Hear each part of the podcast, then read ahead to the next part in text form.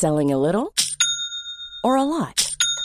Shopify helps you do your thing however you cha-ching. Shopify is the global commerce platform that helps you sell at every stage of your business. From the launch your online shop stage to the first real life store stage, all the way to the did we just hit a million orders stage. Shopify is there to help you grow. Shopify helps you turn browsers into buyers with the internet's best converting checkout. 36% better on average compared to other leading commerce platforms because businesses that grow grow with Shopify. Get a $1 per month trial period at shopify.com/work. shopify.com/work. Imagine the softest sheets you've ever felt. Now imagine them getting even softer over time. That's what you'll feel with Bowl and Branch's organic cotton sheets. In a recent customer survey, 96% replied that Bowl and Branch sheets get softer with every wash. Start getting your best night's sleep in these sheets that get softer and softer for years to come. Try their sheets with a 30-night guarantee. Plus, get 15% off your first order at bowlandbranch.com. Code BUTTERY. Exclusions apply. See site for details. Ready to pop the question? The jewelers at BlueNile.com have got sparkle down to a science with beautiful lab grown diamonds worthy of your most brilliant moments. Their lab grown diamonds are independently graded and guaranteed identical to natural diamonds, and they're ready to ship to your door. Go to BlueNile.com and use promo code LISTEN to get $50 off your purchase of $500 or more. That's code LISTEN at BlueNile.com for $50 off. BlueNile.com code LISTEN. Life is full of awesome what ifs, and some not so much, like unexpected medical costs. That's why United Healthcare provides Health Protector Guard fixed indemnity insurance plans to supplement your primary plan and help manage out of pocket costs. Learn more at uh1.com.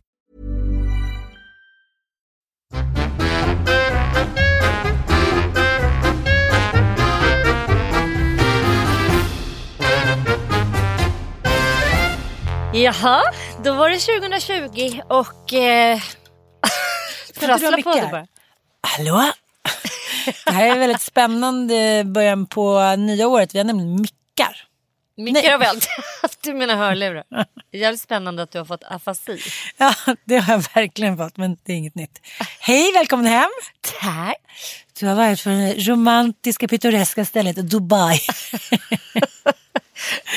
Verkligen romantiskt. Men det- Mysigt var det. Nu måste vi faktiskt ändå säga så här, folk säger, liksom, eller folk, människor undrar så här, men är, hur är det att vara ensam tjej och sådär.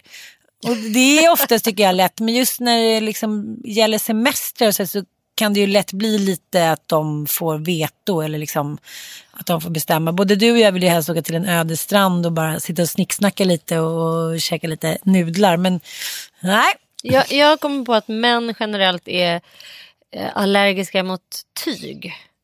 De vill liksom de har rena former. Det ska vara rent och stramt. Inget ska vara fluffigt och mysigt. Liksom. Det ska vara rent och, och så här, eh, formmässigt och så här, enkelt och stramt. Och, och sen ska det byggas på höjden. De är till galna skyskrapor. I alla fall eh, manspersonerna i min familj. är det fallossymbolerna de Ja, det, måste, det är självklart att det är så. Ja. ja, men det var mysigt ändå. Det var jättemysigt. Och eh, det är väl någonstans också, jag tänker att eh, det kan vara bra ibland att träna sig på att bara så här, let it go, let it go. Nu, nu får de bestämma, det pratade vi om här i en tidigare podd också, att det kan vara jävla skönt att släppa taget och låta någon annan göra de där planerna och resorna och bara få haka på själv. Och eh, lite grann så var det den här gången. Om jag hade fått välja hade jag ju inte valt Dubai som resmål, jag hade inte bott, bott i ett hotellrum på 39 våningen. Eftersom, och jag hade inte velat ha de där strama linjerna. Men är det lite som en så här, so, liksom social och känslomässig täckmantel att vara högt upp och instängd? Jag tänker, är du nära dina liksom, naturliga element, vatten, sand, berg, så här, då kräver det mer av ditt känsloliv. Men när du bor liksom i en fallosymbol på 39 våningen, du, du är rätt skyddad, du är rätt safe Ja, på alla sätt. ja. På det stora hela så har vi haft en jättehärlig resa. Men eh, smolket i bägaren är att folk blir fortfarande tokiga när eh, flyger. Eh, för det får man inte göra. Flygskammen. Och jag håller med. Jag har liksom inget eh, där jag kan försvara, jag försvarar inte flygande överhuvudtaget. Det jag gjorde under den här resan var att jag tog en paus från sociala medier och liksom inte delade med mig av resan. Eh, för för jag, jag, kan liksom inte försvara eh, flygandet heller. Men jag, är, jag gör det. Men har du fått någon skit då? Ja men jag har fått det. Det var några som skrev sig avföljer nu. Men sen eh, det jag däremot kommer fortsätta göra. Eh, många menar också att det är helt sjukt att man reser till Dubai. Kenza hade gjort något samarbete med Dubai, Visit Dubai och fick extremt mycket skit för det. Och där vill jag säga att folk är dubbelmoralister något så inåt helvete. För att, eh, ja, att Dubai skulle vara en särskilt kvinnoförnedrande diktatur och att det är en diktatur och de har dödsstraff för homosexualitet och så här. Jag bara säger så här, ja ja ja, då kan vi inte resa till USA heller. De har också dödsstraff, de har också en form av, vad ska man säga, antidemokratiska strömningar kan man ju lugnt säga. Att Donald Trump sitter där som president tycker inte jag känns särskilt nej, demokratiskt nej. i alla fall om man tittar på hur, hur valet faktiskt egentligen gick till. Det, det har bara blivit någon slags trend och det är också så här ett dolt form av så här avund när folk ska sitta och hoppa på Kenza för att hon åker och gör ett betalt samarbete i just Dubai. Thailand är precis lika mycket en diktatur det. Det finns jättemånga av de här turistdestinationerna som inte har liksom helt rent mjöl i påsen. Men eh, om man slutar att eh, bojkott är ett sätt att påverka. Men andra sätt att påverka är att åka dit och intressera sig för landets kultur och faktiskt så här, berätta om vad som sker där. Eh, att bara så här, skita i att besöka de länderna eller att helt eh, så här, nej, där, där går gränsen. Det tror inte jag på. Jag tror att man då skulle vi inte kunna besöka Kenya heller. Vi skulle inte kunna liksom åka någonstans egentligen. Det finns, eh, Marocko är också en diktatur i, i viss mån. Liksom. Du förstår vad jag menar. Jag ställer mig kritisk till att man ska bojk att bojkott är det enda rätta. Men du, nu tänkte jag inleda med en liten rolig grej. Jag kommer sno den rakt av mm. från eh, Nöjesguiden de brukar alltid säga inför det nya året, eh, den och den siar och sådär. Mm. Så då tänkte jag att jag bara snor de frågorna som de gav till Hanna P. Mm. Som är en bloggare där, jättegullig tjej. Och sen så får du svara på dem. De är inga ja. läskiga eller någonting. Men det är bara, jag tycker bara, jag skulle gärna vilja veta hur du tänker. Okej, okay. okay. spännande. Fullt kontroll. Tack ska du ha. Tack ska du ha. Tack. Ska bara hitta den så ska bara hitta den. Där är de. Där är de. Anns utfrågning snott direkt av Nyhetsguiden. Okej. Okay. okay, okay. eh, vad var det roligaste som hände 2019? Det var nog eh, Let's Dance faktiskt. Ja, hon skrev när Alex Schulman instagrammade äntligen om Notre Dame. Hennes svar var, var roligare. Ja, det var mycket roligare. det var helt sant. Vem gjorde oss stolta ute i världen 2019? Ja, men det borde ju naturligtvis vara Greta. Ja. Tänker jag. Ja. Det skrev hon också. Mm. Gåshud när Greta Thunberg satt på en sten med Leonardo DiCaprio. Vad ser du fram emot eh, mest från 2020? Oj, oj, oj. Fan ser jag fram emot. Jag ser fram emot eh, vad som kommer hända i Svenska Akademin. Jag ska återkomma till det senare i den här podden. För det känns som att jag är typ medlem i Svenska Akademin. För att du läser jag, klubben nu? Jag har läst den, jag ja. håller på att läsa K har jag precis läst ut nu också. Mm. Nej men jag är så insyltad. Det känns som att jag sitter under en fluga på väggen inne i Börshuset. Men eh, absolut, jag, jag, jag, är jättenyfiken på en uppföljare där i något slag. Mm. Ja. Hon svarade att bli befruktad kanske. Hon var lite mer personlig. Ja, det är lite mer. Nej, nej, nej, nej. Vad slutar vi med 2020? Vi slutar med kött. Jag är ju för fan in, alltså jag har gått all in på nyårslöften och kör liksom allt. Allt, allt, allt. Jag har börjat träna, jag har vegansk månad, eh, jag har slutat med alkohol, jag har slutat med godis. Ja, allt. Roligt, roligt. Vad svarar hon? Att påpeka särskrivningar. Ja. Och det här är så himla bra. Folk som gör det mm. har själva aldrig skrivit en rolig rad. Ja, och mm. vet ni vad också de kommer sluta med? Att säga sister from another mister eller brother from another mother. Så kommer man istället säga så här. Because you know, oh, you are the clown from the same circus. We're clowns from the same circus. Aha, okay. Har du lärt dig av dina söner? Same circus. Bubblar att vara mer taskig än kul i poddar. Ja, Ja. men den tycker jag den har ju redan pågått. Ja, jag tänkte att den pågick ju hela nej, nej, 2019. nej. Först var det liksom. Cissi Wallin och rädsla. Ja. Och man liksom vågade inte säga flaska. Och sen så kom liksom Della Q. Daddy kom, issues och haveristerna. ja. Mm. Oj, oj, oj, nu är det bara så här fritt fram och vara så elak som möjligt.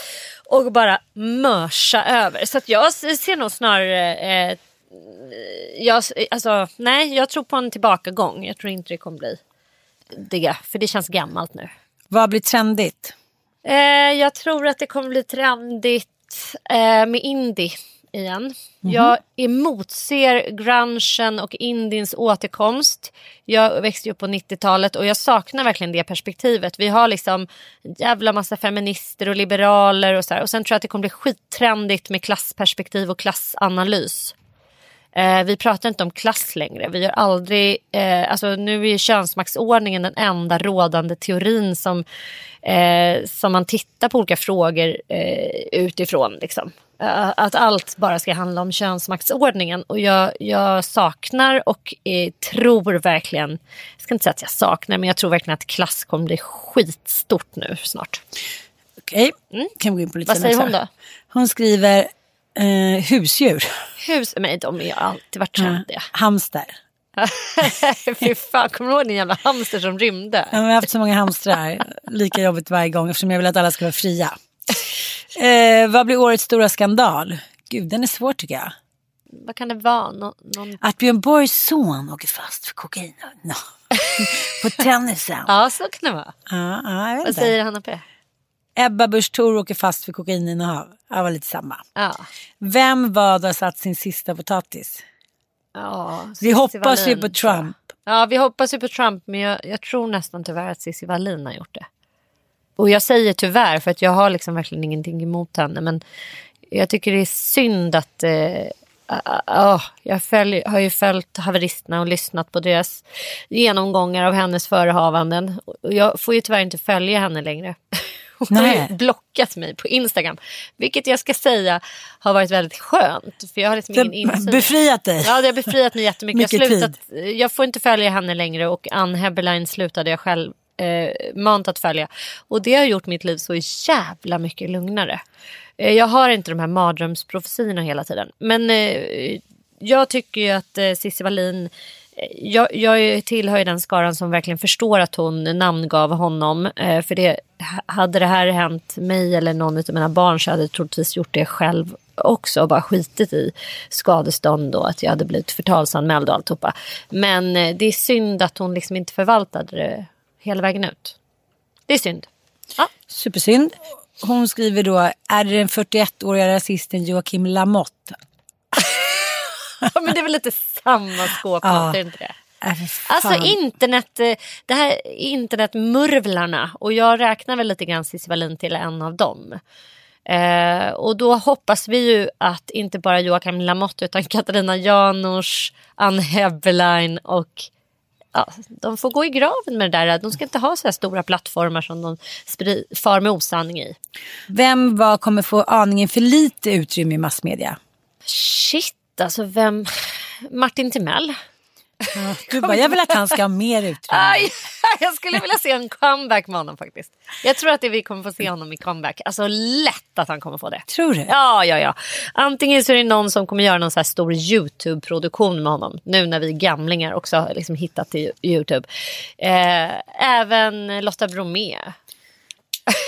har ju fått oförtjänt lite. Jag hoppas hon kommer tillbaka.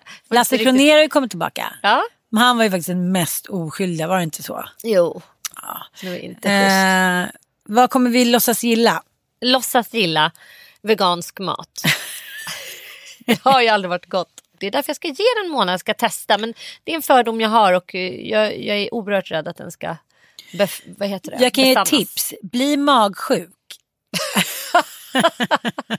Bli inte Käka vegan. ingenting, käka ingenting på fem dagar. För min Mattias har ju varit magsjuk och typ inte ätit något på fem dagar. Och sen igår så skulle han då göra veganska biffar. För han har sett den där dokumentären nu på Netflix. Som handlar om de här idrottsstjärnorna Ja. som är så här. Eh, Helt plötsligt gjorde de den där och den har ju Micke sett också. Ja.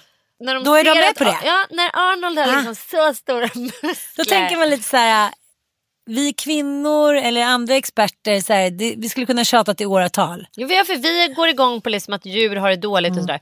Men killarna behöver se på riktigt att musklerna blir större av Mm. veganskt protein. Då bara, okej. Det, är det är så jävla neandertalsaktigt. Vems klädstil vill vi sno? Jag vill alltid bara sno liksom ikonerna från 70-talet. Lauren Hutton, Ja. eh, Bianca. Jagger, ja alla. Bianca Jagger, liksom, ja. Sen dess tycker inte ingen har någonsin slagit det tycker jag. Ja, och sen, eh, Vad säger hon då, Hanna P? Eh, vad kommer vi låtsas gilla? Då säger hon Einar, men vi är helt enkelt för gamla, tåget har gått, tut tut. Vems klädstil vill vi sno? Är det också Einars? Nej, den kan vi inte vilja ha. Vad kommer vi att störa oss på? Vi kommer störa oss på undermåligt Valet också. Valet, är det Mm. nu redan? Gud vad obehagligt känns. Jag har missat flera år men det har vi. Ja vi kommer störa oss fruktansvärt Mm. mycket på valet. Vem skulle vilja byta liv med 2020? Jag bara, Carola. Nej, jag skulle Nej. nog vilja byta liv med stackar Bo ett år tror jag. Ja. Fan vad skönt. Han bara såhär, nu kan han välja och vraka vad han vill.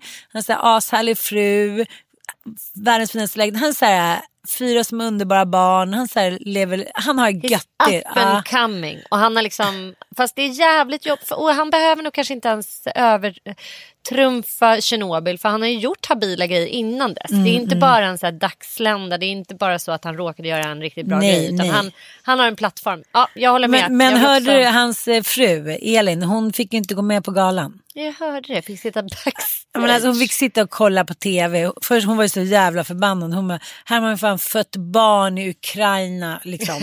Låt mig komma in. Men sen tror jag att det, hon bara, fast det var jä-" Sen så nästa tweet bara, det var jättebra ordnat. Alltså, Alltså det är inget synd om mig. nej, eh, men, Men alltså, för jag undrade när jag såg den. Ja. Jag, undrade när jag såg The Golden, The Golden Globe, så här, vad är hon? Är hon och Ja. kissar eller?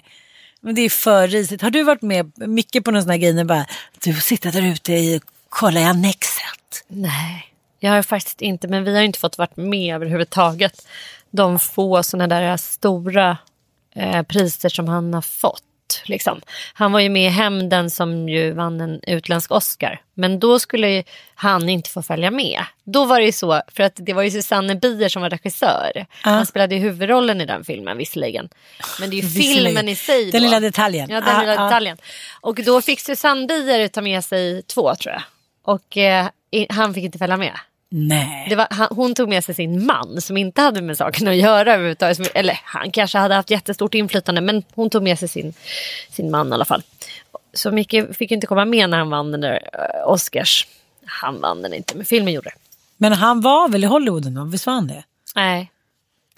Han har ju lite kom- svårt att komma in där. Ja just det. Får ta några år. Ja. Då kunde du och jag åkt Men Australien. vet du Ja. att jag, av samma skäl eh, så kommer ju då, eh, för er som inte fattar någonting nu så kan jag ju bara säga att man får ju inte komma in i USA om man har en narkotikadom. Och det kommer väl inte som någon nyhet för någon tror jag. Att Micke har, ju- chocken, Ja. har blivit dömd för narkotikainnehav. Ringa. Men eh, det har ju även Kate Moss blivit. Och det, hon har ju alltså, och det här är på riktigt, det här kan ni skrämma era ungdomar med. Som är, weed är ju jättevanligt och väldigt, väldigt många unga eh, röker ju weed eh, mer än de dricker alkohol nu för tiden. Och det är faktiskt det, den bästa skrämselpropagandan, eller inte ens propaganda, det är helt sant. Man får inte komma in i USA någonsin. Alltså man är portad från landet om man har en narkotikadom på sig. Oavsett om det är en ringa eh, straff. Liksom. Så det preskriberas inte? Nej, spre- så Tommy Körberg fick inte åka till New York och vara med på så här, Kulturrådet. Så han fick liksom en, en dom på 80-talet. Just Kate! Moss har inte fått, vet du, nu har hon fått komma in i USA för första gången sedan hennes narkotikadom föll. Och det är för att hon har då kunnat visa att hon har varit nykter och drogfri två år. Och då har hon gjort olika, någon typ av test. Jag vet inte exakt hur det här går till. Men det här har jag fått höra från inside information. Okej, okej. I Källor, starka källor. Mm. Ja. Ja, Marrakesh var det verkligen. Mm, Väldigt kända personer i den juryn som berättar det här för mig. Ha, så hon har liksom fått gå som, så här, ja, men som vilken junkie som helst? Ja. Ja, det är väl fine. Och nu är hon tillbaks. Och det här har ju alltså förstört extremt mycket i hennes karriär. Mm, det är klart. Förstås. Det är typ hennes största inkomstbringande ställe liksom. Ja, ja. Det är lite svårt att Ja. bedriva supermodellverksamhet utan att kunna åka. Sista frågan. Ja, Vad är ditt nyårslöfte? jag, som jag sa, jag har ju gått all in på allt. Eh, Det låter ju fantastiskt. ja, jag ska Kan man det? träna varje dag. Ja. Alltså jag, det är inga små besyrer här. Nej. Men vad Jag gör du när du inte. tränar då? Eh, Jag kör eh, löpning eller trappmaskin, minst Mm. 20 minuter. Och sen, eller uppförs, gå, alltså powerwalk uppförsbacke. Och sen kör jag ju liksom olika typer av cirkelträningar med, där jag alternerar liksom ben, mage eller överkropp. Mm. Det har jag gjort i tio dagar nu och jag tänker fan, jag ska stå på mig och jag har tvingat Micke att han ska verkligen tvinga mig tror jag. Jag tränade i morse, Mm. 07.15. Märker du någon skillnad? Mycket piggare. Men den är faktiskt helt sjuk. För nu har inte jag sprungit lika mycket. Det är liksom det är stor skillnad. Ja. Det är det. Men nu är jag också... Men jag ska också vara helt ärlig. Det enda varför jag gör det här. Det är bara för att jag vill vara snygg. Mm. Jag ska inte heller hålla på och inbilla mig att det har någonting med hälsan att göra. Nej. Jag är 40 nu, jag känner att det börjar hänga och dänga. Mm. Jag känner eh, att jag vill ha, jag vill testa en sista gång och se om jag kan bli fit. En sista gång innan jag fyller eh, hundra. Ja. Det sa ju Magan Graf till mig när hon för några år sedan åkte iväg till Thailand och när hon i fem veckor skulle så här freshen up. Ja. Hon bara last chance for us. Ja. Jag var fem veckor, jag tror det blir svårt alltså. Jag tror det blir svårt. Men jag tänker också så här, nu är det också en årstid, nu är du, har ju du fått färg.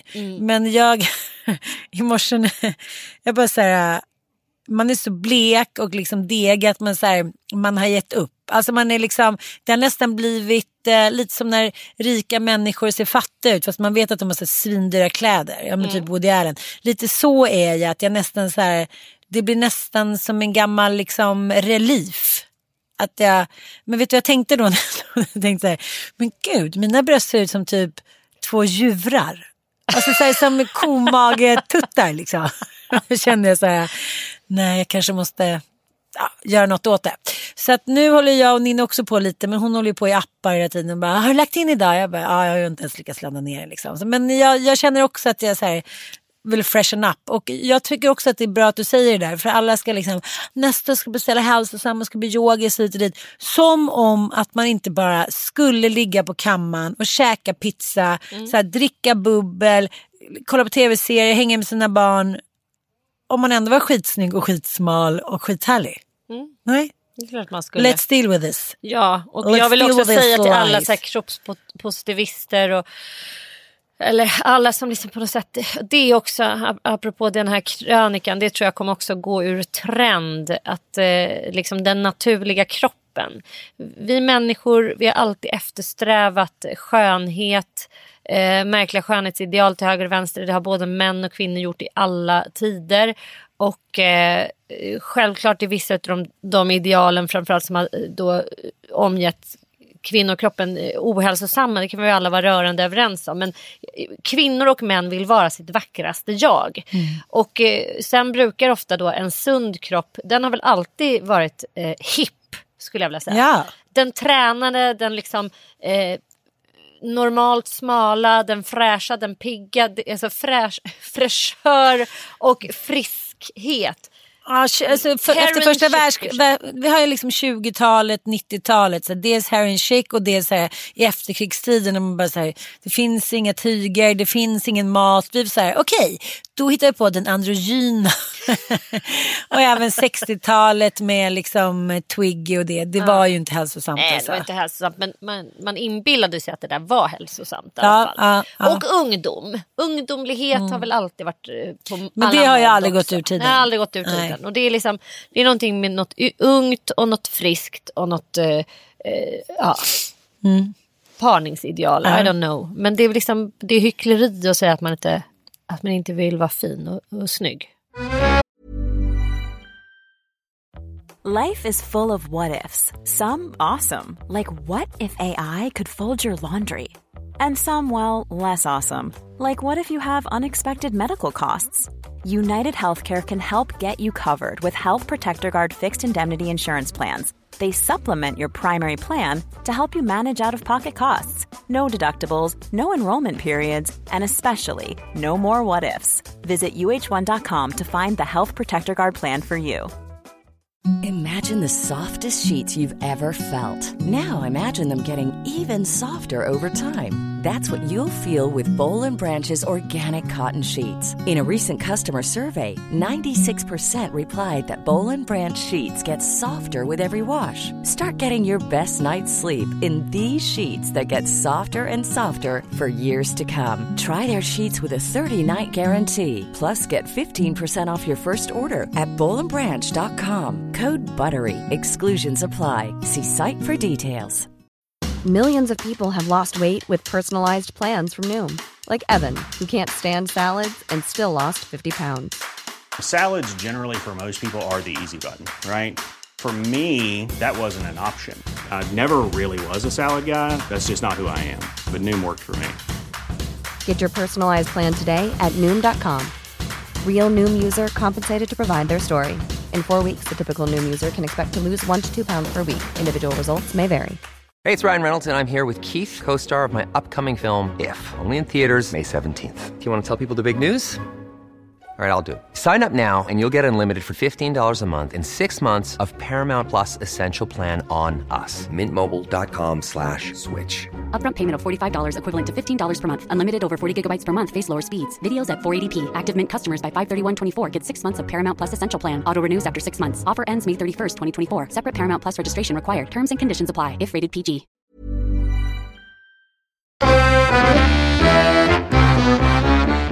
Nu har jag berättat om Dubai. Vad har du gjort på jullovet? Har du överlevt?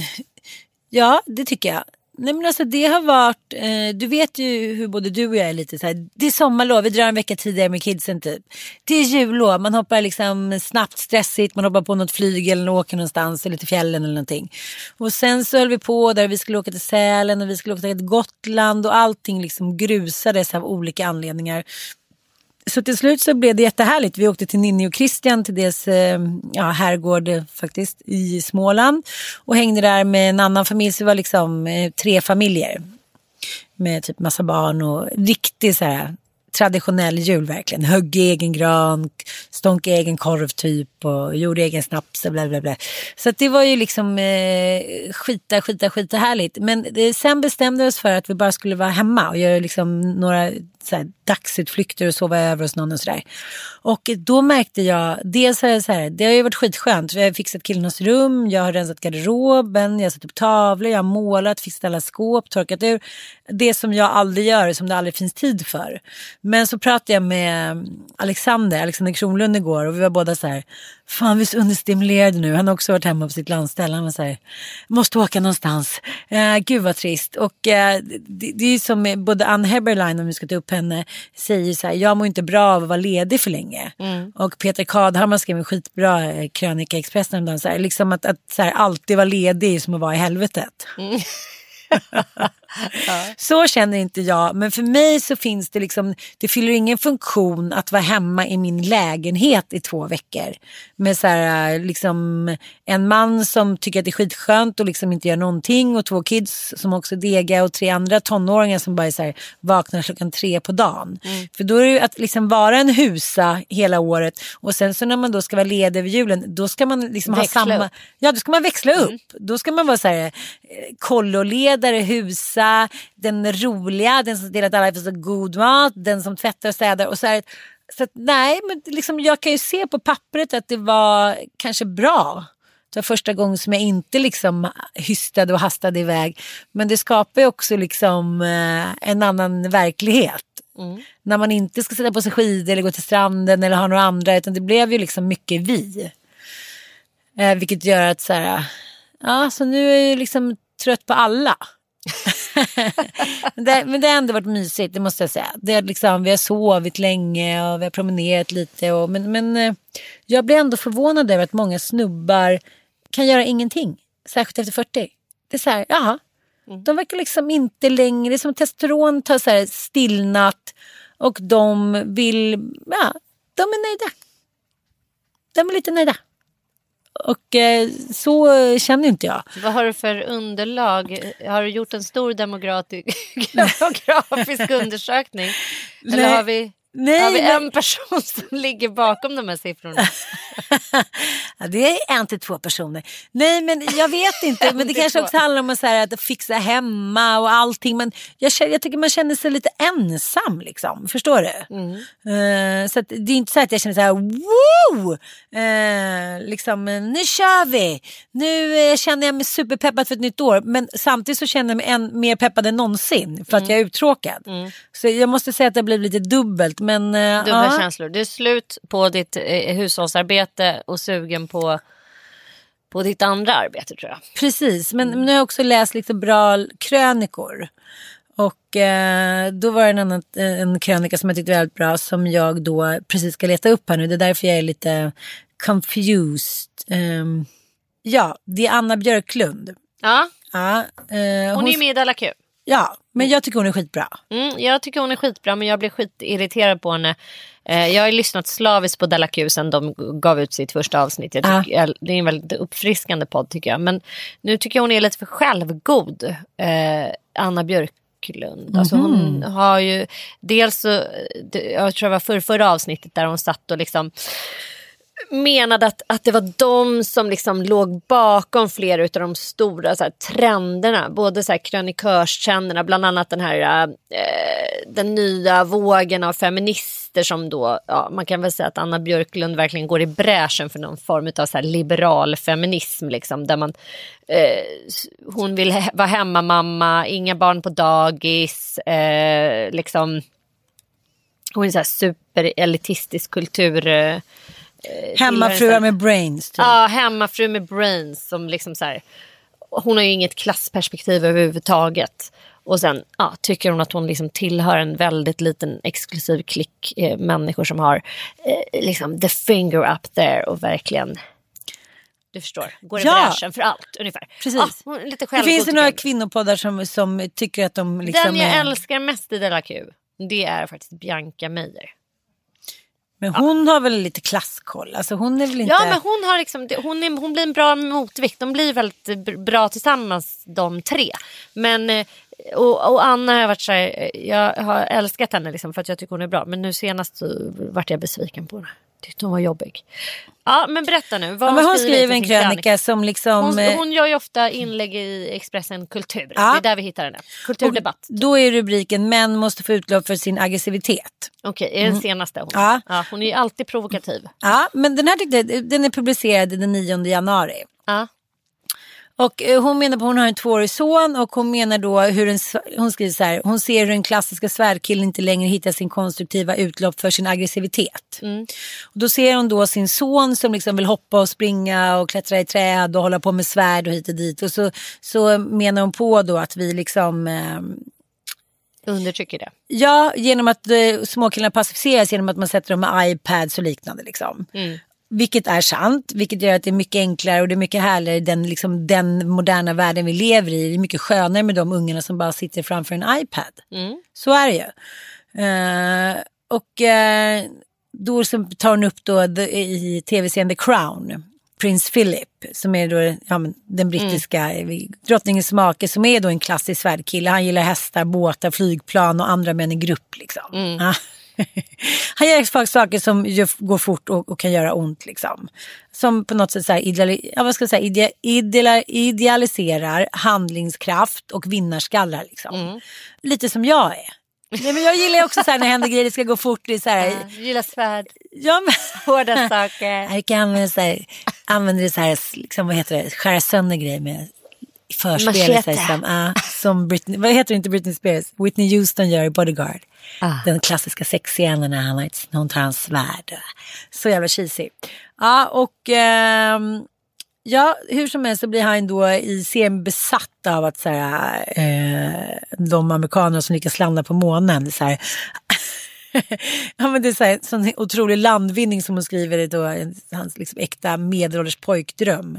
Och hans olycka då, prins Philip det är ju liksom att leva i en roll där stillasittande premieras. Att så här, sitt där, liksom, säg inte så mycket, ha inga åsikter. Och det är väl lite det som kanske både Harry och Meghan känner. De får ju inte ha några politiska åsikter. Nej. Vilket inte alls stämmer. Som säger till exempel jultalet med kungen där det enda han gör är så här uttalar politiska liksom, härdsmältor som man bara säger, men du får inte uttala dig politiskt, men det sket du liksom. Eh, och just det här att man deprimeras att typ så här, göra ingenting. Att bara liksom vara snygg och perfekt och hit och det. Och uh, då menar hon liksom eh, att hon träffar såna här människor hela tiden som har samma dilemma som prins Philip som då verk, liksom vankar som av och an som lejon i en bur. Liksom. Mm. Och eh, det finns liksom inget utrymme i våran värld för samma fysiska erövringar. Det finns inte så här, och då öppnar jag bara dörren så får tjejerna och killarna springa ut och göra av med sin rastlöshet. Och jag kan känna igen det där.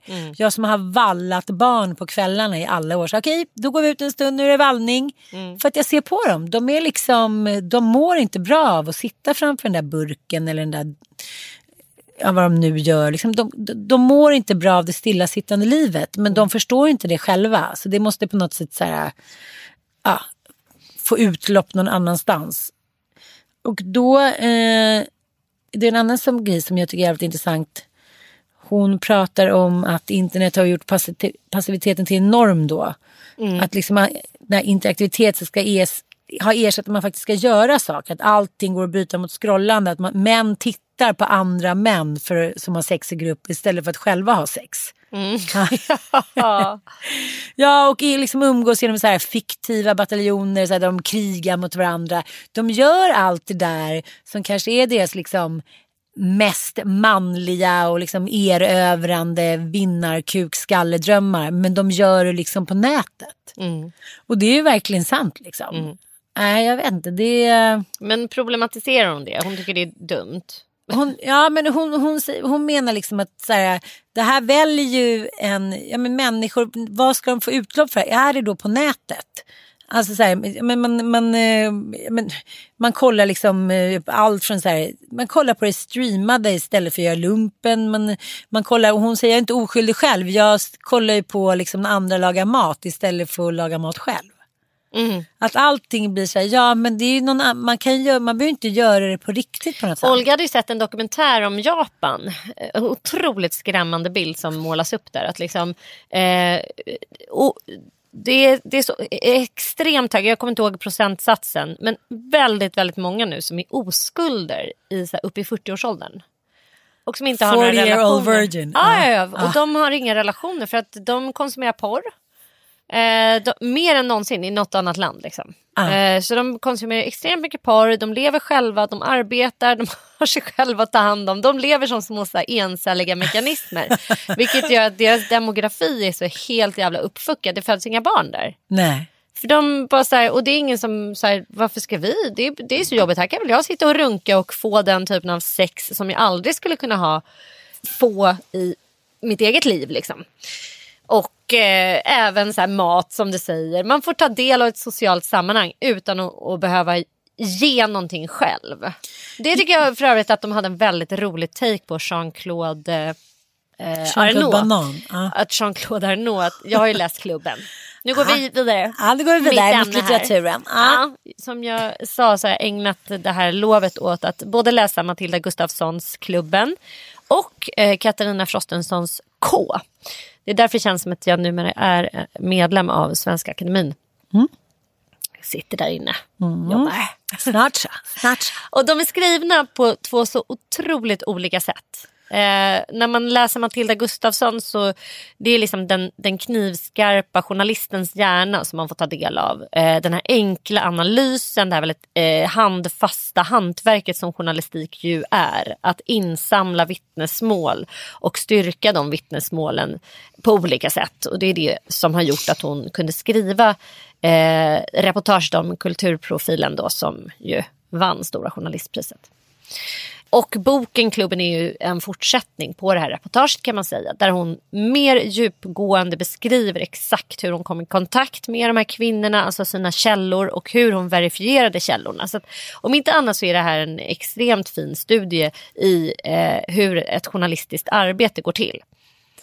Sen kan man ju ifrågasätta, vilket jag, när jag läste den här boken boken så blev jag ju bara så här, först och främst väldigt eh, imponerad för att hon, hon gör det där. Precis som, kommer du ihåg fallet Kevin som Dokument mm, inifrån gjorde? Mm. Alltså, det är också så här, extremt enkel journalistik som ändå leder till att förändra en hel, ett, en, ett helt samhälles syn på liksom, ja, men alla var helt... Det är ju bondförnuftsjournalistik. Ja, bondförnuft, alltså jag älskar den typen av mm. journalistik. Mm. Robert Aschberg är rätt bra på det mm, också. Eh, att man tar ett så väldigt enkelt handfast case och sen bara sätter man sig och går igenom det. Till punkt Leif GW. Leif GW. Mm. Men han, liksom, han, han går mer in i expertrollen. Nej men jag fattar det så här. Okay, var, var, det är hantverksmässigt, oklanderligt, sjukt snyggt. Men den enda invändningen jag har i klubben och jag förstår Matilda Gustafsson för hon, vill helt, hon blir besatt av Jean-Claude Arnault. Och hon nöjer sig inte bara med att han har utfört massa vidriga handlingar, alltså våldtäkter och sexuella övergrepp, utan hon vill förstå varför han har gjort det. Uh-huh.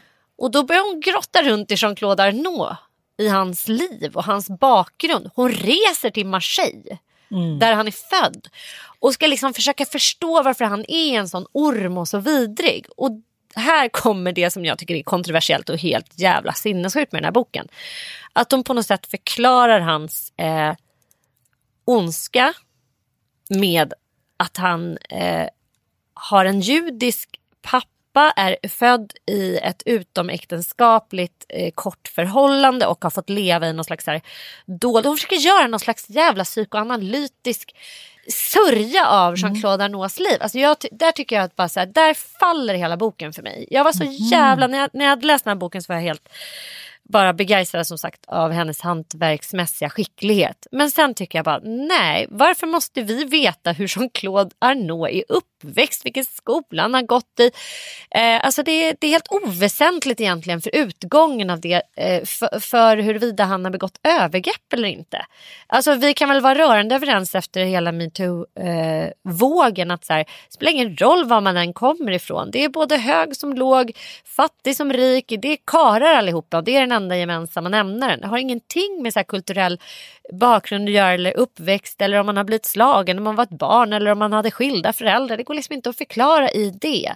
Och där tycker jag nej, jag förstår inte riktigt hennes, eh, att, att eh, framför allt att förläggarna har gått med på att ha med den passagen. Det är en ganska liten del av boken som jag tycker bara är helt onödig och snaskig. Men det är då hon går så att han började någon elteknisk utbildning. Hon menar att han, att han har ljugit om att han har liksom akademiska meriter. Ja men det har han ju, fast ja. det tror inte jag har så mycket med knulleriet att göra i och för sig. Nej det har väl ingenting med knulleriet att göra. Det handlar väl mest om att han att han, precis som alla beroendesjuka, om vi utgår ifrån att han är sexmissbrukare, eh, far med osanning och lögn hela tiden. Och han slänger sig med både det ena med det tredje.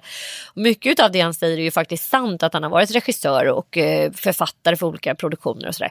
Men just hur han är uppväxt, det är någonting som är så här, där har han ju hävdat då att han har olika typer av utbildningar som han inte har. Men det är ju ingenting som han... Vem har inte det? Vem fan... Ja, men, nej, men... nej men jag fattar, jag tycker inte heller att det är relevant. Nej, nej. Det är inte så att han har använt det för att få olika stipendier eller fonder eller pengar. Och, så. och det gör ju inte honom mer eller mindre till en våldtäktsman tycker jag. Det spelar väl ingen roll om han är liksom, om han har en judisk pappa eller inte. Varför ska han gå in och grotta i det? Jag tycker det är, det är skit. Jag tycker det är rasistiskt rent utav.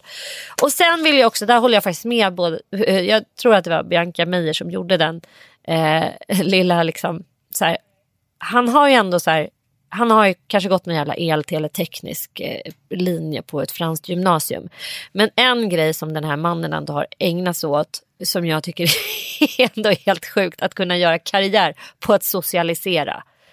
Tänk att kväll efter kväll sitta på Prinsen Mm. Alltså hur han bara ägn, hela sitt jävla liv går socialt ut på geni. Socialt geni. Och människor som har dragits till den här människan. Som vill vara i kretsen kring honom trots att han inte har så jävla mycket mer att erbjuda än forum. Det är också så här, eh, jag har aldrig varit på forum, jag är ändå liksom uppvuxen i centrala Nej, men jag tycker Stockholm verkligen, en slags kulturfamilj. Hans skicklighet är ju att, alltså, han, att de har lyckats förtrolla människor som skriver så här farbröder och tanter som dricker, ja. sitter och dricker rödvin i plastmuggar och lyssnar på någon som sitter i en källare och läser någon gammal dikt. Ja. Det är ändå jävligt fascinerande. Det är som att de har så här, put everybody under a spell.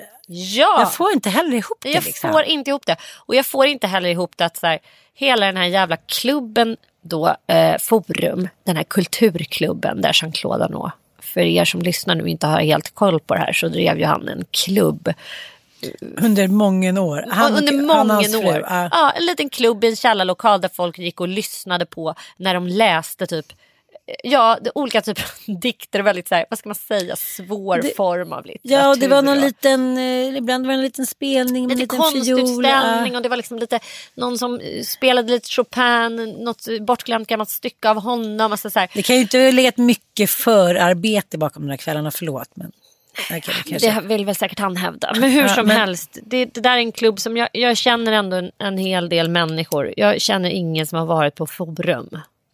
Så att Nej, liksom, det det var inte inte jag heller. vår generation om man säger så. Och de som hade så kulturambitioner och ville liksom skriva eh, lyrik och dikt och så. Nej, alltså jag vet inte. Hur mycket makt hade karln egentligen? Inte så jävla stor och det vill de ju hävda att han hade. Ja, whatever. Snygg studie journalistiskt hantverk, helt fantastiskt jobbat. Eh, men så här, varför grotta in i hans liksom, judiska, eh, eventuellt judiska bakgrund? Det tycker jag var skitigt. Men, Men- jag följde i alla fall upp med K. Ja, Har du läst K? ja. Gud, jag känner mig hemskt nu men, Ja, men jag älskar den boken. Jag med. Lika mycket som jag älskade klubben. Mm. Jag, jag kan verkligen se det ur hennes point of view. Och det vill jag ge Katarina Frostenson också. Att så här, hennes integritet och den är liksom helt makalös. Att hon har skrivit hela den här eh, tjocka boken utan att ändå vi som läsare har fått någon insyn i hur deras relation ser ut och hur, vilken upplägg de har. För att man blir ju extremt nyfiken när man läser klubben. För det måste ju ändå alltså, sägas vara fastslaget att Jean-Claude Arnault är en rundknullare. Ja, eh, och en tafsare och en fluktare. Ja, och, och nu en... är han också en dömd våldtäktsman. Mm. Så ja, killen har ju varit fett otrogen mot henne. Om det inte är så att de har haft en öppen relation i alla år. Men när man läser K så vill man ju veta, hade de det? Mm. Man får inte veta det. Nej, jag vet. Fast det är ju ändå fastställt, liksom, tycker jag, att det är så här, hon har vetat om allting. Det där liksom har varit ett intrikat spel. Han skulle aldrig liksom lyckas hålla på så länge om hon inte var med på det. Nej det är klart att, Nej, det, att, nej. det, att det måste vara så. Men jag menar vi, kan, vi som står utanför kan ju, kan ju självklart gissa oss till det. Och liksom, hon, hon hintar väl lite grann om det. Ja. Men det som fascinerar Hans mig... lätt amoraliska handlingar. Hur kan man tycka att det är så himla hemskt? Ja. Det, det är enda Lätt, gången hon ja. kommenterar i boken. Ja. Ju- Och, och också att det finns människor som, hon menar ju, eh, alltså precis som eh, Matilda Gustafsson slår fast liksom att så här, både Jean-Claude och hela det här gänget liksom, bakom Forum och den 80-talsvågen av, ja, men tillsammans med Stig Larsson och Horace, att de ser liksom livet väldigt mycket som ett krig där de är så här, de, de, de ska ut i krig mot här, olika människor. Och lite grann, det känner man ju verkligen också när man läser eh, Katarina Frostensons K. Att de är så utsatta och ansatta. Och jag förstår ju att så här, drevet, det är vidrigt att leva i ett drev. Och det, det måste man ha stor respekt för. Så det är ju en skildring om eh, någon liksom, som verkligen visar hur det känns att leva eh, utsatt för ett drev. Men sen blir jag också så sjukt imponerad över att den här människan lever mer i andra författares eh, texter och dikter. Hela, Mm. hela, hennes alltså hela den här boken är ju, varannat kapitel är, är ju en liten, eller varannan text kan man säga, Ja. är ju liksom en, en betraktelse, en daglig betraktelse från hennes liv i exil då som hon så snyggt kallar det. Hon har Mm, Det var att man blir typ lite till det sugen andra på. landet. Alltså hon pratar ju i gåtor också. Hon skriver Ja. gåtor. Och hon skriver... Och sen är det då...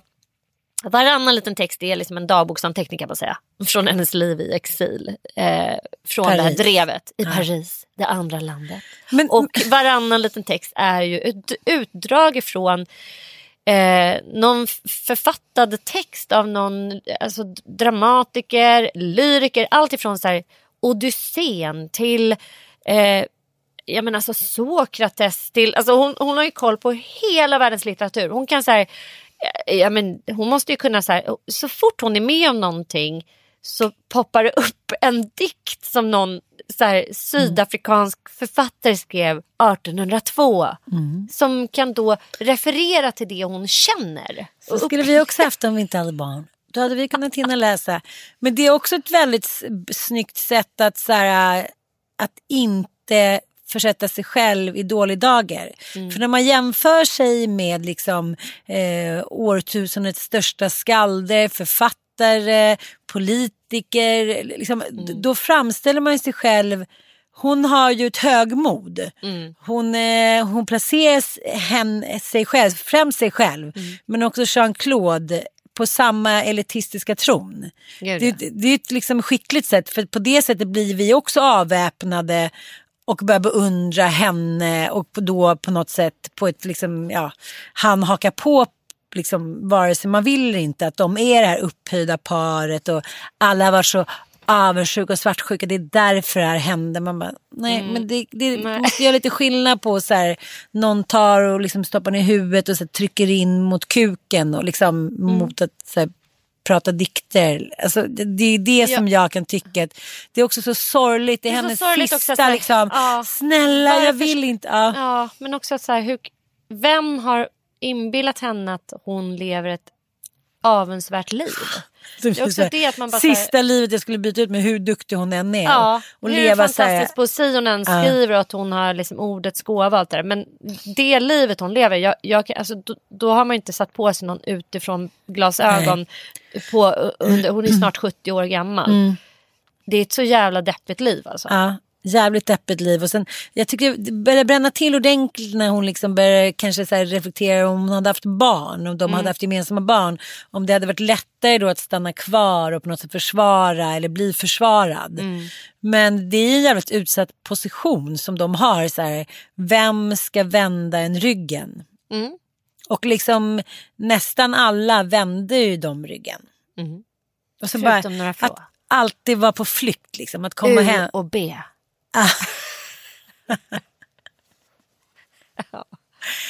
Ja, eh, jag vet inte. Det är bara så här, den är också väldigt naiv och gullig. Det, det, det liksom framstår som att hon är lite så här flicka som ska försvara sin så här bror eller sin pappa. Hon framstår liksom...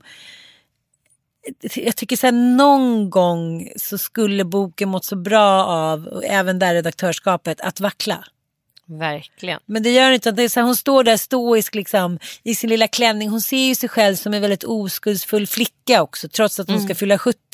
Ja, att hon aldrig ska behöva ifrågasätta honom. Eller menar, sig själv. Ja, jag, hade, jag hade ändå väntat mig att det skulle komma en liten så här daglig reflektion där hon går ut och känner sig, i alla fall som så här, åh gud, tänk om det är sant. När hon ändå låter oss ta del av en tanke där hon tänker att, han, att det skulle kunna finnas eh, sanning bakom de här påståendena. Men det gör hon ju aldrig. Alltså för henne är det bara så fullständigt, hon går in, hon, hela boken är ju ett, eh, är ju ett exempel på förnekelse skulle jag säga. Hård, eh, Ja. hård förnekelse. Men känner du inte igen dig någonting? Nej, jag känner inte alls igen mig i det. Absolut inte. Inte försvarstal medberoende, nej. Tvärtom faktiskt. Alltså medberoendet, nej. Jag tycker alltid att jag har gått i och känt att eh, så här, den oskyldigas anklagades bänk. Nej, tvärtom. Jag är ju fan... Jag är, är verkligen väldigt hård mot dem jag lever mot när de är anklagade för någonting. Liksom. Oavsett om det är mina barn. Ringer de från skolan och säger att någon av mina ungar har betett sig oschysst. Det är inte så att jag tar deras parti. Alltså då är man ju så här, gud vad har det hänt? Nu ska jag fan läxa upp min unge. Det gör jag. Men du har väl varit med om liknande? Ja, ja, ja, absolut. Inte så. Hela ens liv börjar ju vackla. Jag känner inte igen det där. Känner inte igen det där. Nej, jag förstår. Men jag menar, liksom, jag tror att du kanske ändå... Jag menar att, att du kanske kan förstå henne för att du har varit lite i samma situation. Du kanske liksom har en annan... Men du kanske känner med henne lite då? Jag kan absolut känna med henne i drevets mentalitet. Men det, jag, jag hade kunnat mer förstå när hon var så här, ja han har ju betett sig som ett svin men han får vara sån för mig. Förstår du vad jag menar? Det hade varit en annan, alltså där kan jag väl snarare säga att jag själv har befunnit mig. Att jag, jag har aldrig liksom blundat för eller varit, i- i- levt i någon slags här rosa värld. Bara, Nej, det, han har aldrig druckit, inte en droppe. Vad pratar ni om? Knark. Ja. Det, Nej. existerar- det, är inte så, det är liksom lite där hon är. Hon menar ju verkligen att han absolut inte alls har begått ett enda sexuellt övertramp. Han har aldrig tafsat på någon. Men han har ju liksom varit som alla andra män med någon form av påhittad eller reell makt. Det tror jag inte i och för sig. Nej, nej men alltså Nej. inte som alla andra. Men jag menar att han har ju gått över alla gränser. Men jag kan ändå tycka så att han liksom tafsar på prinsessa Victoria. Liksom, han har ju helt blivit gränslös i sin egen påhittade värld där ingen har liksom satt hårt mot hårt. Gentlemen's agreement. Ja, jag bara så här, när Horace berättar med så här beundran i rösten att ja, du måste förstå hans liksom franska jovialiska han är stil. taktil, skriver Ah, Katarina Frostenson. Det, där känner jag bara så här, vänta nu, han är taktil. Och det är därför han skulle då väcka sån anstöt för att han, han är en människa som rör vid andra. Det är ju du också. Gud, det finns väl ingen som klidkladdar och säger älskling och hit och dit till folk man knappast känner. Och ibland så när folk inte responderar då blir man helt chockad. Man bara, Undrar om, om, är du inte vore, du min älskling? om du var mannen. Ja, hade det inte gått så bra för dig tror inte under metoo-hösten. Tror du inte? Men jag har väl aldrig liksom... Älskling, kyss på munnen bara. Ja. Men det är väl lugnt. Nej, jag förstår vad du menar. Jag, det är kanske därför också jag... ehm, Jag kan också se både kvinnor och män.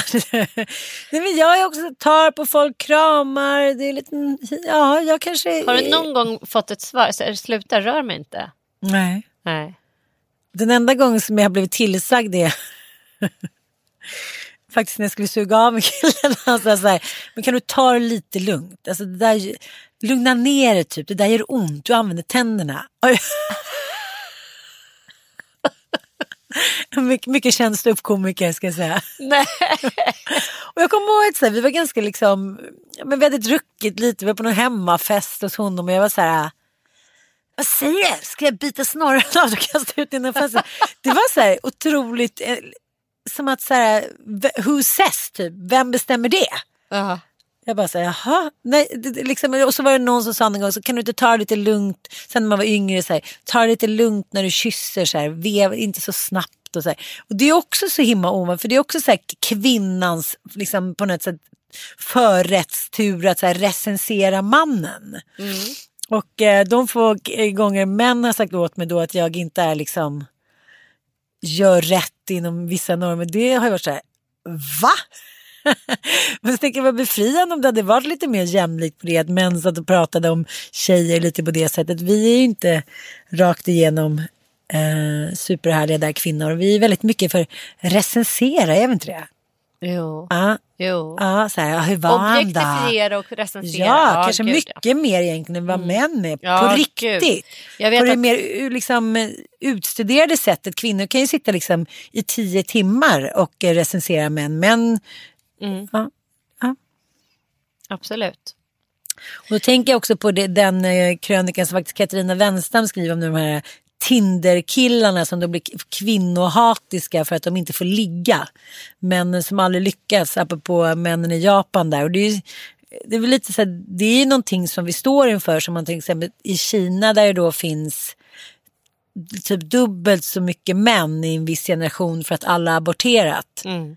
Jaha. Dels de kvinnorna som finns kan ju bara sitta och peka. Och dels de männen så är det så här, många av dem kommer ju aldrig få napp. Mm.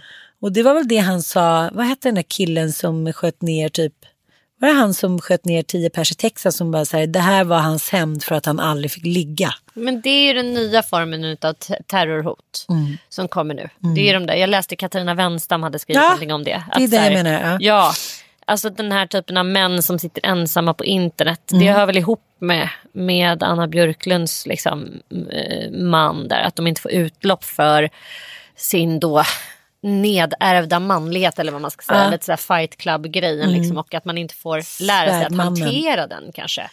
Men också att, så här, att det ses som någon jävla allmänmänsklig rättighet att få ha sex. Ja.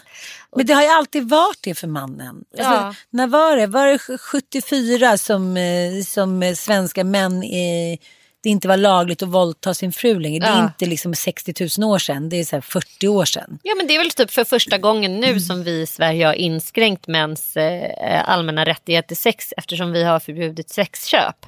Innan dess så kunde ju faktiskt vem som helst, hur man än såg ut, hur liksom eh, asocial man än var, eh, hur kvinnohatande man än var så kunde man faktiskt köpa sig en prostituerad.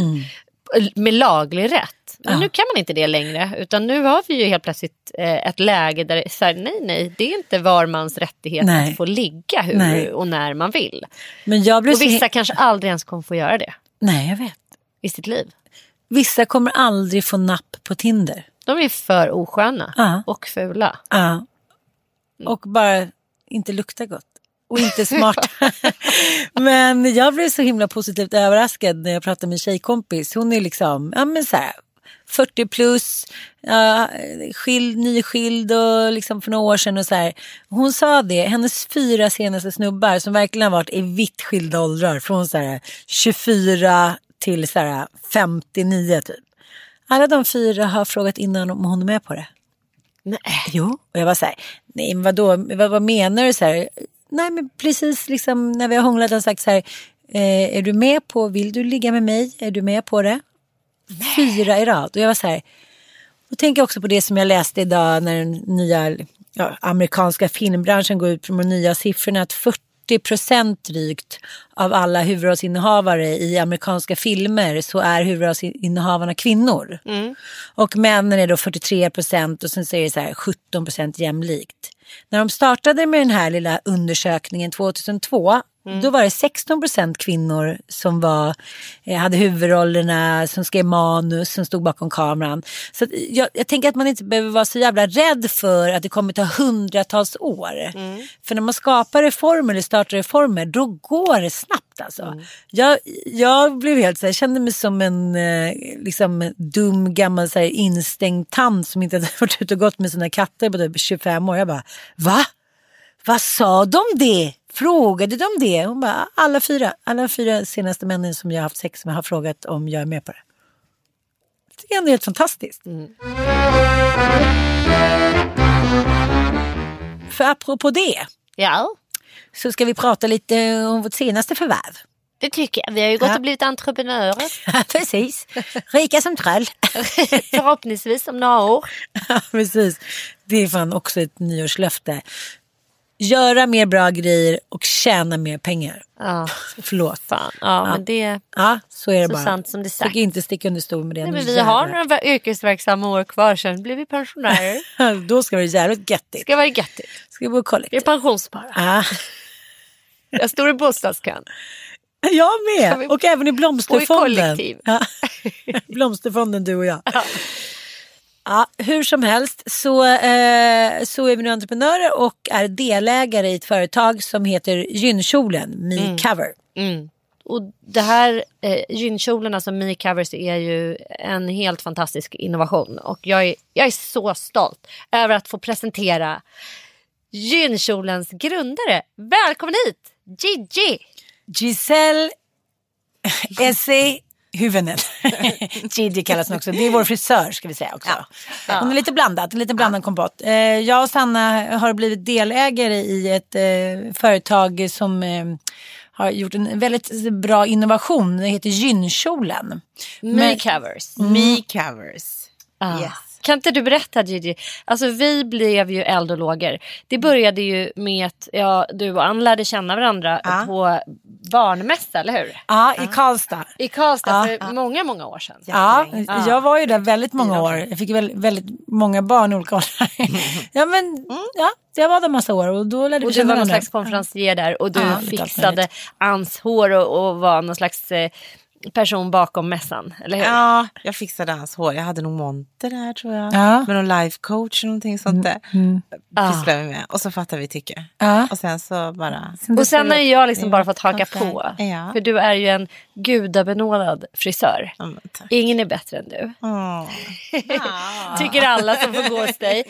Men du berättade också, jag tror att det var tre år sedan. När du berättade första gången om din idé. Stämmer.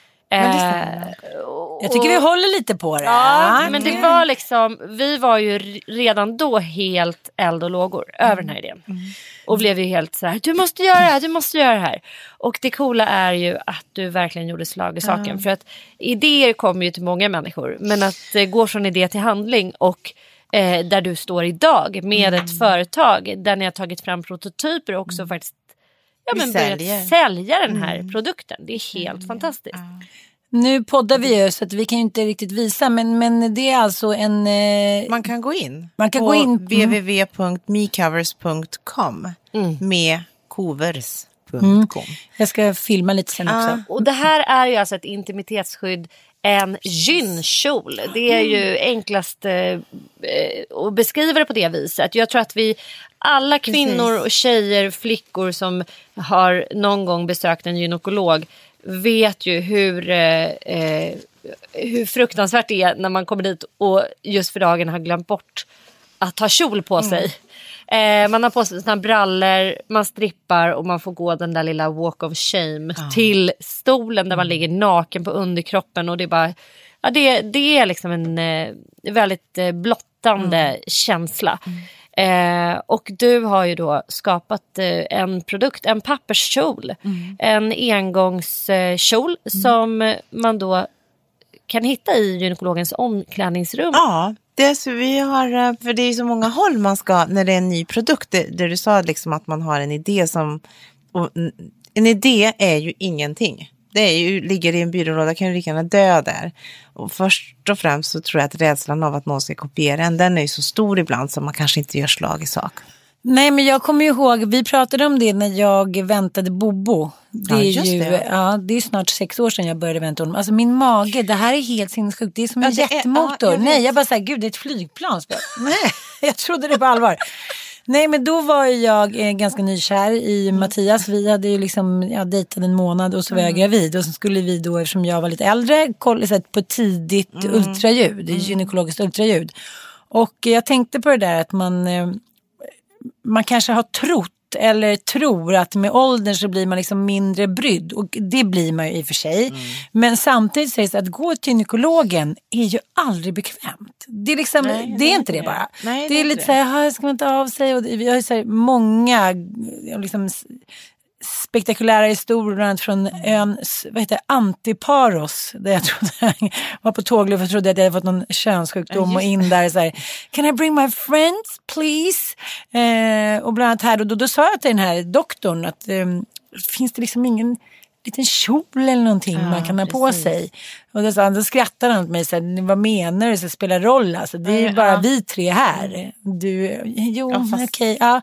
Då gick jag ut och hämtade en kvarglömd noppig fleecetröja som jag liksom la som ett litet skydd. Så för mig är det så här, äntligen, men också så här, hur kan det ta så här många Nej, tusentals år ja. Mm. innan det finns? Och du och jag som har gjort också ett kvinnohistoriskt program och eh, researchat mycket om den kvinnliga kroppen genom historien är så här, nej men det har ju inte lagts mycket tid och kärlek på vår kropp. Det är så här, allt ska vara naturligt, ut med ungen, eh, skit på det ungefär. Eh, så det här är ju liksom eh, väldigt, väldigt, väldigt, väldigt, väldigt härligt att det finns nu. Ja, det är jättebra. Men då, då, och då, därför kommer jag tillbaka till det här med dispensen på väggen och att vi är ute och säljer just nu. Och, så vi måste ju, dels så måste ju vårdpersonalen veta om att det här finns. För att är det bara en inköpare så, och inte pers- personalen är informerad, då försvinner den. För när den ligger ihopvikt så är det ju ingen patient som vet vad det är. Nej. Och patienten måste också veta vad det är när den ligger ihopvikt. Så att det blir så att det är liksom, det, och jag gillar att det är det, för att då, det är mer än en produkt. Det, det, det är en, eh, vad ska man säga, vad ska, vad ska man kalla det för? Som en... eh, Livsstils... Ja, eh, li, att, att, att vi komplement. Ja, Jag tycker- ja. ja, det är en förändring liksom. En Ja, det är en revolution. Ja, Det är verkligen en... jag känner det. Det är liksom en förändringsresa. Vi alla som är med i det här projektet är med om. Och alla kvinnor och män för den delen som kommer beröras av den är ju liksom så här, aha, finns det här nu? Ja, Och var kan man liksom, om man nu vill beställa ett, eh, ett litet test, ett, ett, prov, eget, ja, ja, ett du tänker som vårdgivare. Ja, precis. Ja, men då kan man gå in till mecovers.com, www.mecovers.com och så kan man fylla i ett formulär där ehm, och skicka in till oss. så kan man få göra en eh, testrunda. För det är ju också sånt där som vi tycker är jätteintressant att få tillbaks eh, massa resultat såklart på vad patienterna tycker. Det första testet som vi gjorde var nästan too good to be true. Det var i Kårsta. Det var i Kongo. Ja, det var Kongo, Kongo Kinshasa. Nej, det var, det var i Karlstad. Eh, och det är ju alltid bra, man tänker sig, det är alltid så himla bra om det kommer lite sådana här negativa också. Negativa ord som inte, Ja. inte ett enda. Nej. Det var helt sinnessjukt. Det var inte, av alla de som hade tagit kjolen, och det var 98 procent som hade tackat ja. 2 procent hade sagt nej tack. Men de som hade tackat ja gillar den. Eh, och sen så har vi ju ändå också gjort en SIFO-undersökning efter den. Och då är det, det är liksom helt oberoende. Den var lite läskigt, men det visar ju att över 60 procent eh, önskar en kjol. Och det är ganska många. Så det är liksom, Och då är det utan att de har fått testa den. utan att bara de, liksom exakt, tankebaserat Det är jätteviktigt test. att säga. Ja, precis. Det är bara tanke. Ponera att du skulle, la, la, la, la. Så är det över 60 procent. Det känns som att trygga siffror och uh, jobba till. Och det som är väldigt fascinerande med den det är att när det, när det är kvinnor man går och säljer in till, till exempel eh, gynekologer eller barnmorskor, det är ingen som man behöver, alltså säljmötet tar ju, förklaringen tar fem minuter för alla förstår varför den existerar. Alla kan sätta sig in i den situationen och vara okej, ja, självklart. Den är lite som en så här, um, sumobrottarkjol. Att man tar liksom, Ja. Den är i tre delar. Eller Den Två. är två delar menar jag. Som, en Som liten, du sa, den är som en liten sommarkjol men så har den två slitsar. Ja, enkelt beskrivet. Så det är som en lucka och det är så otroligt fiffigt tycker jag. Att du har gjort kjolen, alltså format den på det sättet att du behöver inte lyfta upp hela kjolen. Nej, precis. Utan du kan lägga dig i gynstolen och sen så kan du då lägga upp benen på benstöden Ja. och ändå Och då ha... fäller du ner flärpen. Som Ja. blir då. Så det är som ett litet blomblad i mitten. Ja. Som fälls ner mellan. Och det som är bra också som gynekologerna gillar det är att eh, den här typen, alltså en vanlig papperskjol, det har man haft. Det har man haft och den finns. Men det som händer när du spänner upp benen då, för du ska ju ganska brett isär med benen, det är ju att kjolstyget också spänns över och så hissar läkaren eller gynekologen upp dig och då förlorar ni ögonkontakt. Och här gör inte ni det för att den här flärpen åker ner mellan benen. Och så kan du bestämma också, för det, när den andra kjolen så ju, ligger du ju öppen ändå. Men här så dö, skiljer det helt. Och när jag använde den så kände jag, det var så markant skillnad för då gjorde vi vaginalt ultraljud för att se om det var hjärtslag eller inte. Och jag sa så mycket mer i mellanpauserna när jag fick ha den här flärpen mellan benen och inte ligga och bräsa med det varma ljuset mellan benen. Liksom, för då, man klarar inte av att prata då, det blir så konstigt. Jo, du, jag tänkte på en sak. Nej.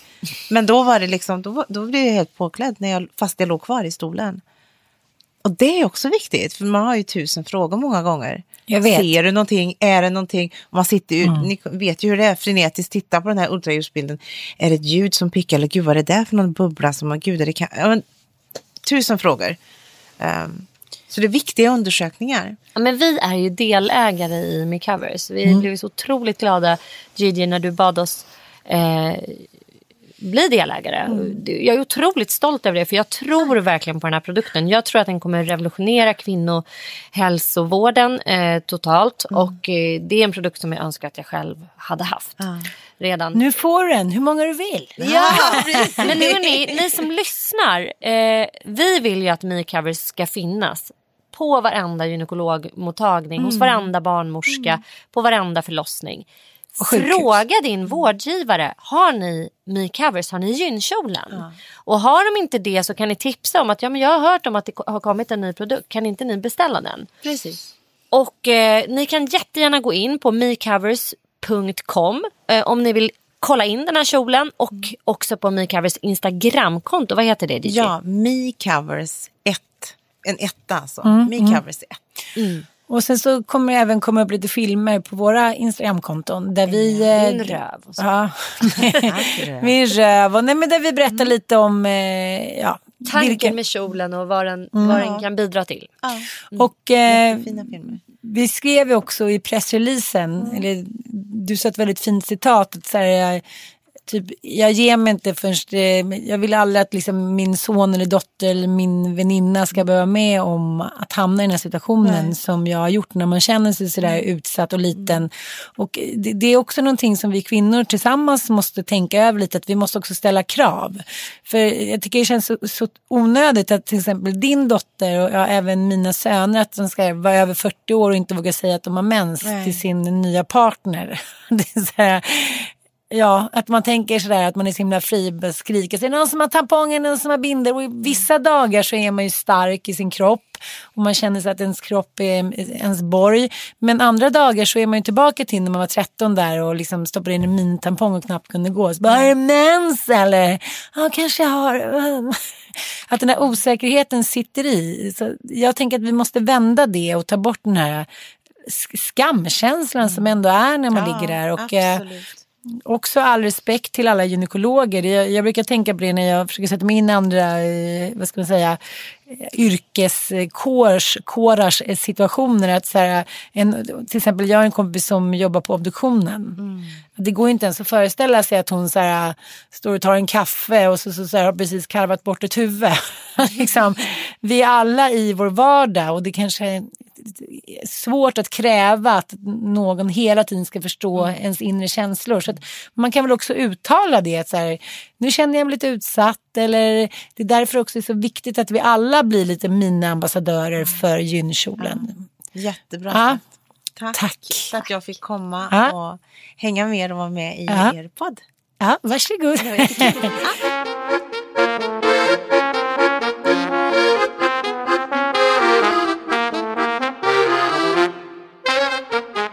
Det är ju ingen hemlighet att vi båda två är mathämmare. Nej, det har vi ju varit i ett år nu. Ja. Och det, jag kan säga att det är väl den största revolutionen under 2018 och 2019. Under kanske hela mitt liv.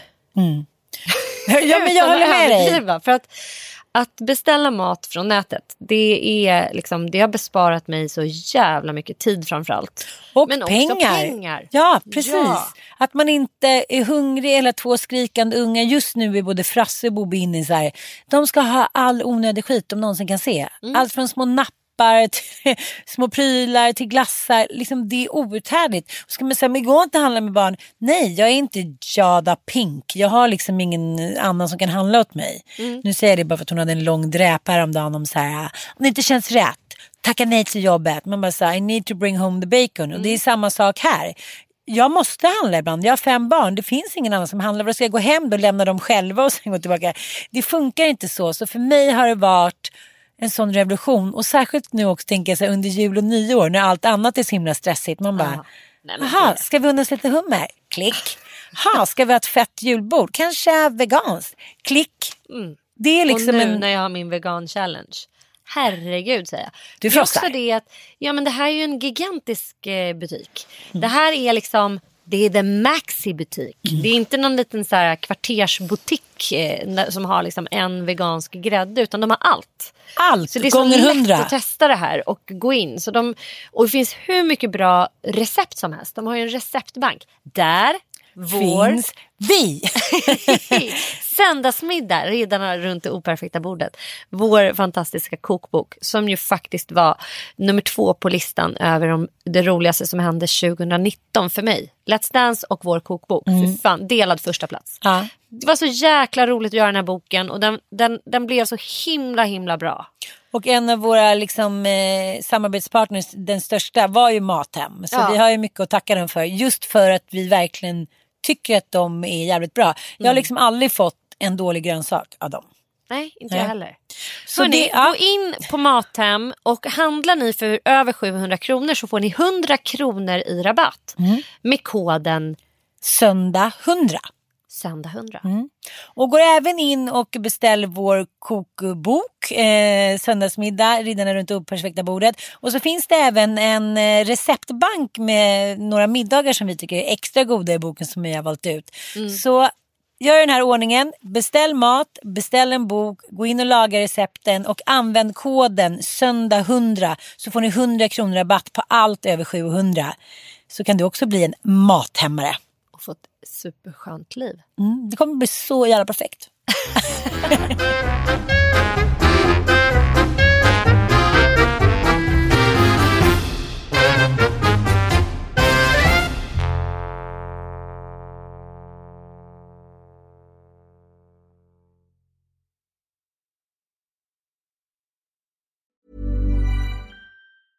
Imagine the softest sheets you've ever felt. Now imagine them getting even softer over time. That's what you'll feel with Bowl and Branch's organic cotton sheets. In a recent customer survey, 96% replied that Bowl and Branch sheets get softer with every wash. Start getting your best night's sleep in these sheets that get softer and softer for years to come. Try their sheets with a 30-night guarantee. Plus, get 15% off your first order at bowlandbranch.com. Code BUTTERY. Exclusions apply. See site for details. Planning for your next trip? Elevate your travel style with Quince. Quince has all the jet setting essentials you'll want for your next getaway, like European linen, premium luggage options, buttery soft Italian leather bags, and so much more. And is all priced at 50 to 80% less than similar brands. Plus, Quince only works with factories that use safe and ethical manufacturing practices. Pack your bags with high-quality essentials you'll be wearing for vacations to come with Quince. Go to quince.com/pack for free shipping and 365-day returns. Mom deserves the best, and there's no better place to shop for Mother's Day than Whole Foods Market. They're your destination for unbeatable savings, from premium gifts to show-stopping flowers and irresistible desserts. Start by saving 33% with Prime on all body care and candles. Then get a 15-stem bunch of tulips for just $9.99 each with Prime. Round out Mom's menu with festive rosé, irresistible berry chantilly cake, and more special treats. Come celebrate Mother's Day at Whole Foods Market.